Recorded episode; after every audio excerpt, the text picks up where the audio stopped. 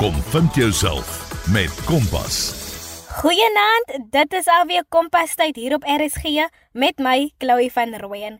En vanaand leer ons meer oor die argitektuurbedryf en 'n karate uitblinker kuier ook saam. So maak jou gemaklik waar ook al jy is en kuier lekker vanaand saam met ons.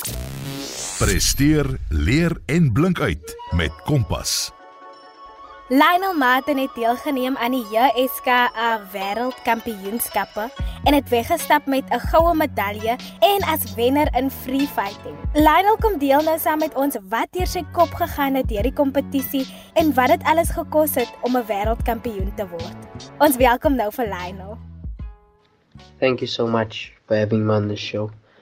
It's an honor for me to be on this program. My name is Lionel Martin. I'm 17 years old. I'm from a small town in the Eastern Cape called Uitenhage. I'm currently a grade 11 student at Muir College Boys High School. My favorite sport is karate, which I started way back when I was seven years old in 2013.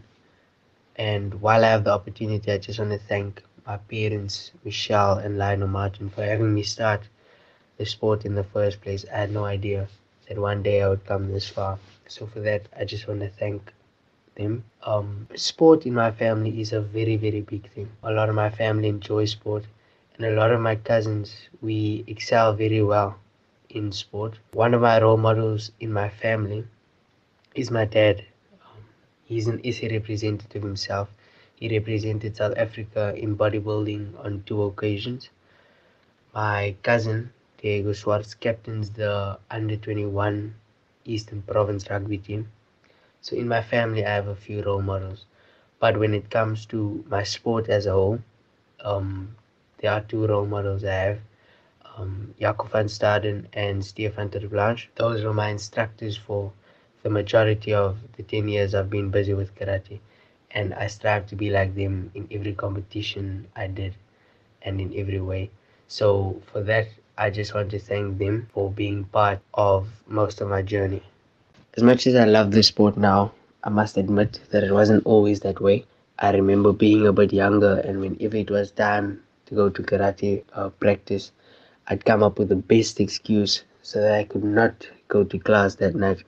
But that did change over the years. My love for the sport grew immensely. My career started in 2013 when I was seven my I was extremely naughty and undisciplined, and my uncle also did karate. Uh, suggested that my mother signed me up for karate so that I could learn discipline and stop being that naughty. Um, and ever since that day, my love for the sport just grew a lot. Ja, en kyk net waar is jy vandag? Jy was deel van die span wat Suid-Afrika gaan verteenwoordig het in Duitsland by die Wêreldkampioenskappe en daar het jy met 'n goue medalje weggestap. Vertel ons van die kompetisie en wat deur jou kop gegaan het en hoe jy gevoel het toe jy nou uiteindelik wen. It was an honor to be part of such an amazing team. We were five competitors from the Eastern Cape who formed part of the South African team.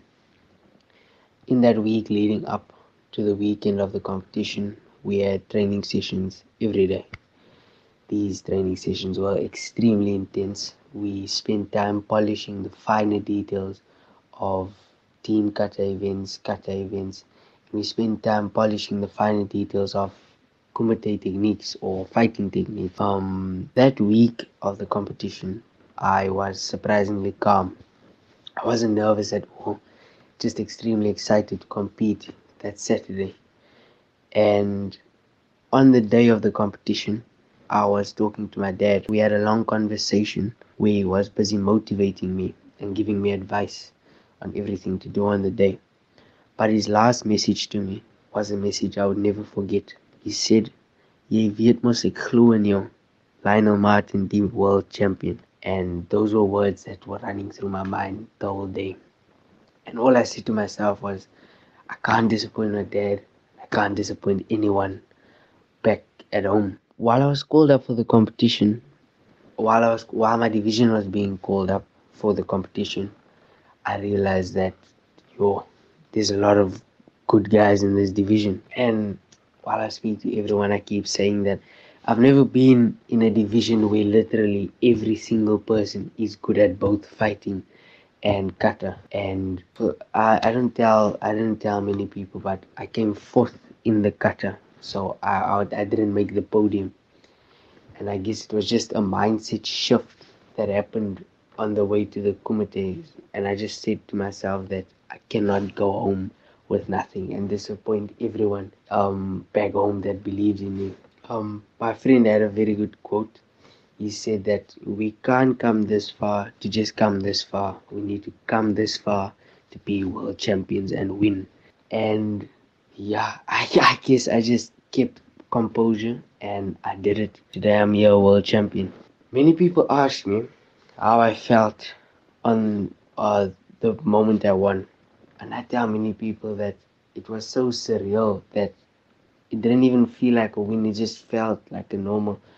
The second I felt it was when I phoned my family back home, tell them that I won.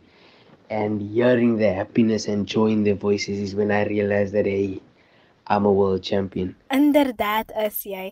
En natuurlik is dit nie iets wat net oornag gebeur het nie.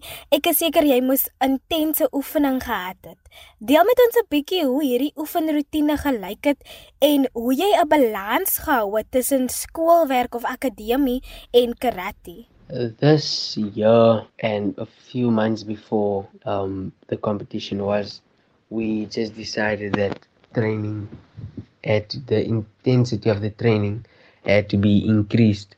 So before the June holidays, I was only training two days a week for one and a half hours. In those trainings, we would focus on stance correction and correcting moves in the kata so that it could improve. But the most intense training was during the June holidays. I would train three days a week, three to four days a week. I would train three to four days a week for three hour sessions at a time. This would normally range from about 9 in the morning till 12, or on some days from 2 till 5 in the afternoon. In these trainings, we would focus on physicality, we would focus on fitness, and we would focus on the correction of the cutters. So those trainings were extremely intense. Um, it took sacrifice, it took determination, it took patience to get to where I am today. So I can say that all those sacrifices and long hours ended up being worth it. Keeping a balance between schoolwork and karate is not as difficult as most people would assume. On the days I would have practice, I would just make sure that all my schoolwork is done before I have my karate training session and that if whenever I come back I just work on the work I couldn't complete. Um, so keeping the balance between karate and schoolwork is not as difficult as most people would think. I just complete my schoolwork before I go right after right after I come from school, rest, eat, whatever. But before I go to class, I'll make sure that the majority of my work is done. So then when I come back, it's just a few more sentences or a few more things I need to do so that my homework and my studying can be up to date.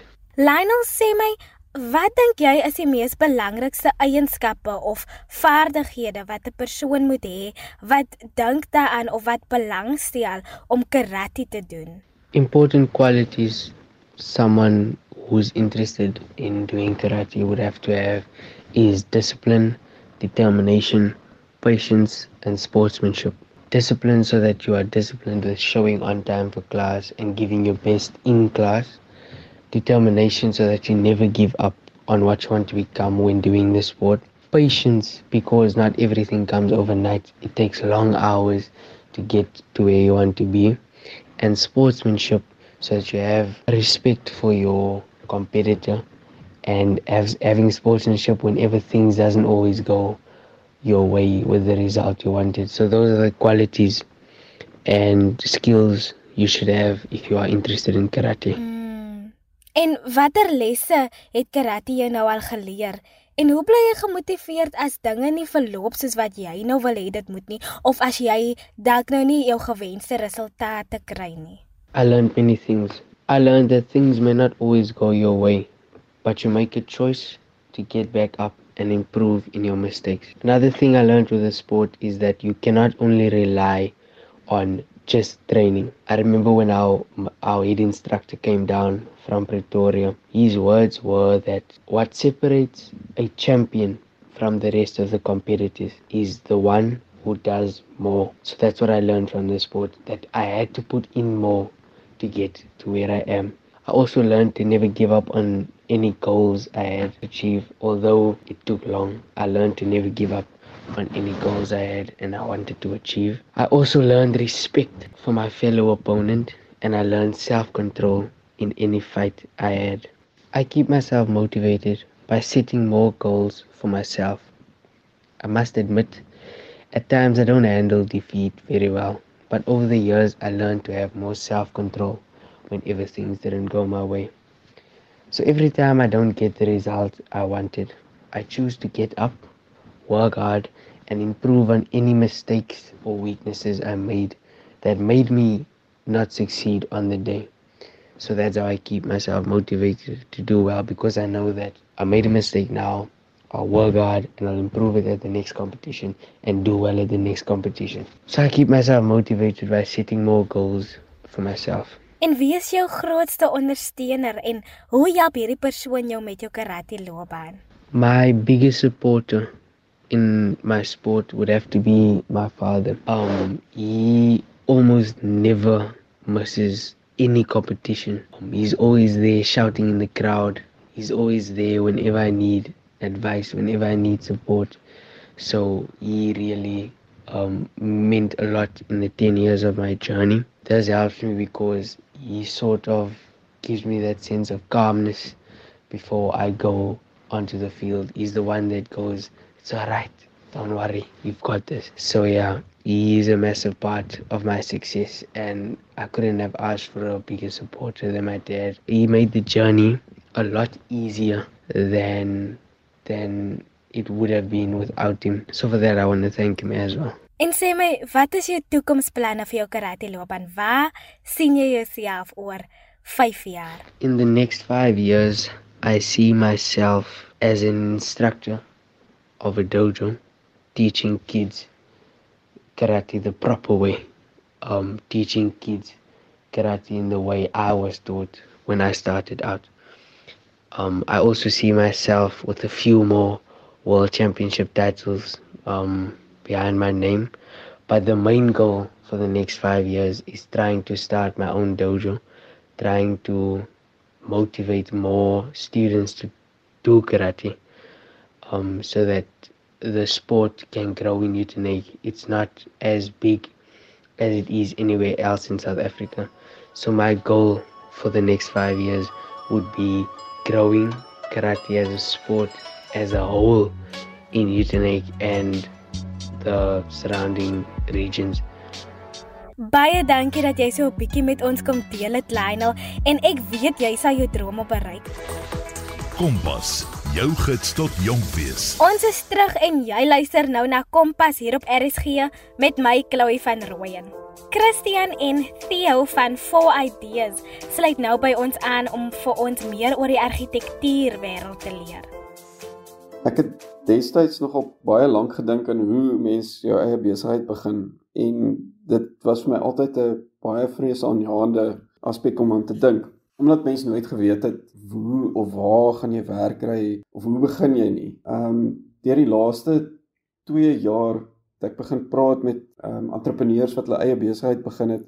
My vrou het self haar eie besigheid begin en al hierdie items het my begin inspireer om te dink maar eintlik eintlik kan ek dit ook doen. Ek het die nodige vaardighede om dit te begin. So ek het begin deur met mense te praat. Ehm um, ek het een vir een kontakte gebel wat ek in die industrie ken en met hulle begin praat en al al is daar nie werk wat hulle van na my kan verwys nie, het hulle vir my raad gegee en hoe hoe ek moet hoe ek moet dink, hoe ek moet operate en al daai het toe so aan die begin van die jaar of einde laas jaar begin om om in plek te val. So ek het eers begin om saam met drie ander argitekte 'n groep te stig waar ons ons spesialiteit bymekaar groepeer om te werk in groter projekte, spesifiek skole. Ehm um, so ons het gesien daar's is nog 'n 'n goeie dinamika wat ons kan skep tussen ons ons vier um om groter projekte te hanteer. Die lekker ding daarvan is dat jy vier spesialiste is en jy kry vier verskillende perspektiewe op 'n projek. As jy 'n eenman saak is, het jy een visie en een uitkyk op 'n projek en jy het nie noodwendig die klankbord wat jy het by wat groter firmas het nie. So hierdie het nogal goed gewerk vir ons en dit beteken ook dat ons almal kan ons onafhanklikheid behou. Um ons werk op die seilyn ook in ons eie goed, um eie projekte, maar spesifiek vir sekere goed groepeer ons saam. Dis 'n nuwe manier om te dink aan besigheid. Dis nie noodwendig hoe hoe historiese maatskappy gestruktureer is nie. So ons wou iets anders doen in die toekoms want ons wou nie dieselfde besigheid struktureer as in die verlede nie. Wat behoort leerders te weet wat belangstel om argitektuur te studeer? Weet jy van my kant af, uh om mee te begin is al baie geleenthede daar buite. Mens moet nooit dink daar is nie. Uh my beste raad is net om navorsing te gaan doen oor die beroep en om met argitekte in kontak te kom en vra te vra.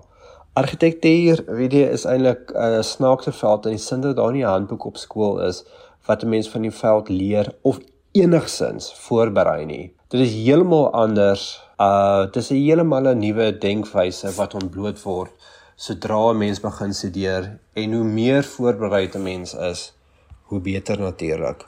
Geduld is seker een van die belangrikste item vir my. Um dis 'n baie lank pad vorentoe in argitektuurstudies. Ehm um, mens moet konstant oop wees vir nuwe dinge leer omdat die veld so breedvoerig is. 'n Graad is geensins die einde van die studies nie. Ehm um, die meeste leerwerk begin maar in praktyk en dit sluit nie net argitektuur in nie.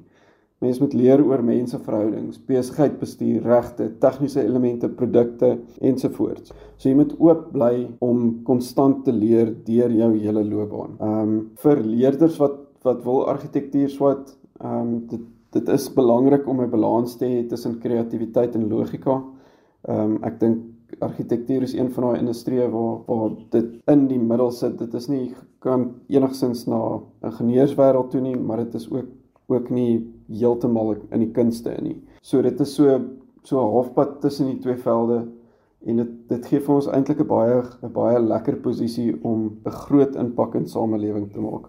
Nou sê my, waarin kan voornemende argitekte spesialiseer en kan jy vir ons 'n bietjie meer vertel oor elkeen van hierdie rigtings? Die argitektuurveld is baie breed deesdae. Ek noem dit argitektuurveld, maar dit is ook nie noodwendig net van toepassing op argitektuur nie.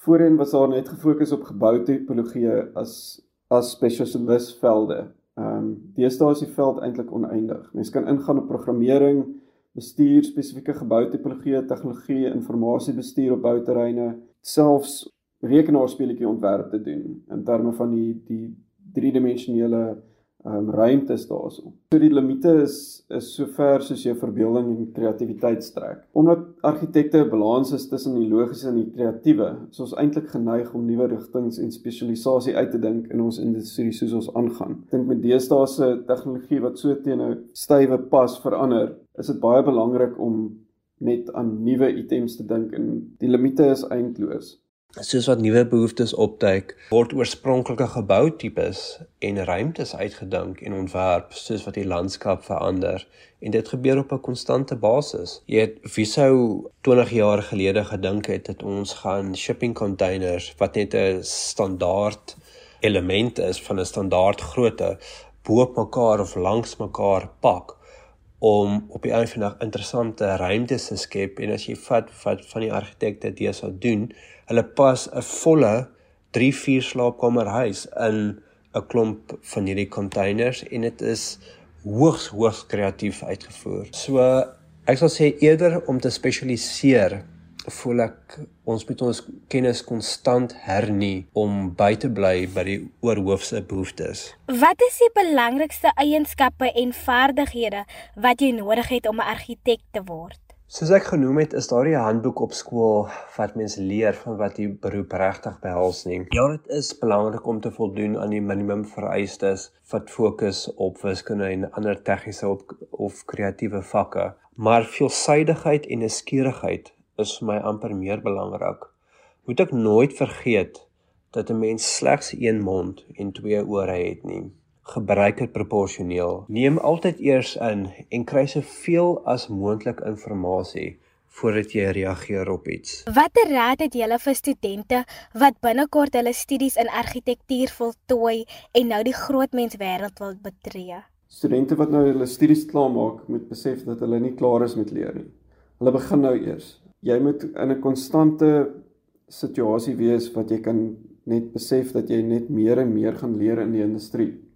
Ehm um, kry 'n mentor waarby jy kan leer. 'n Mentor is is verskriklik belangrik om jou die gids te wees deur die volgende tyd van jou lewe.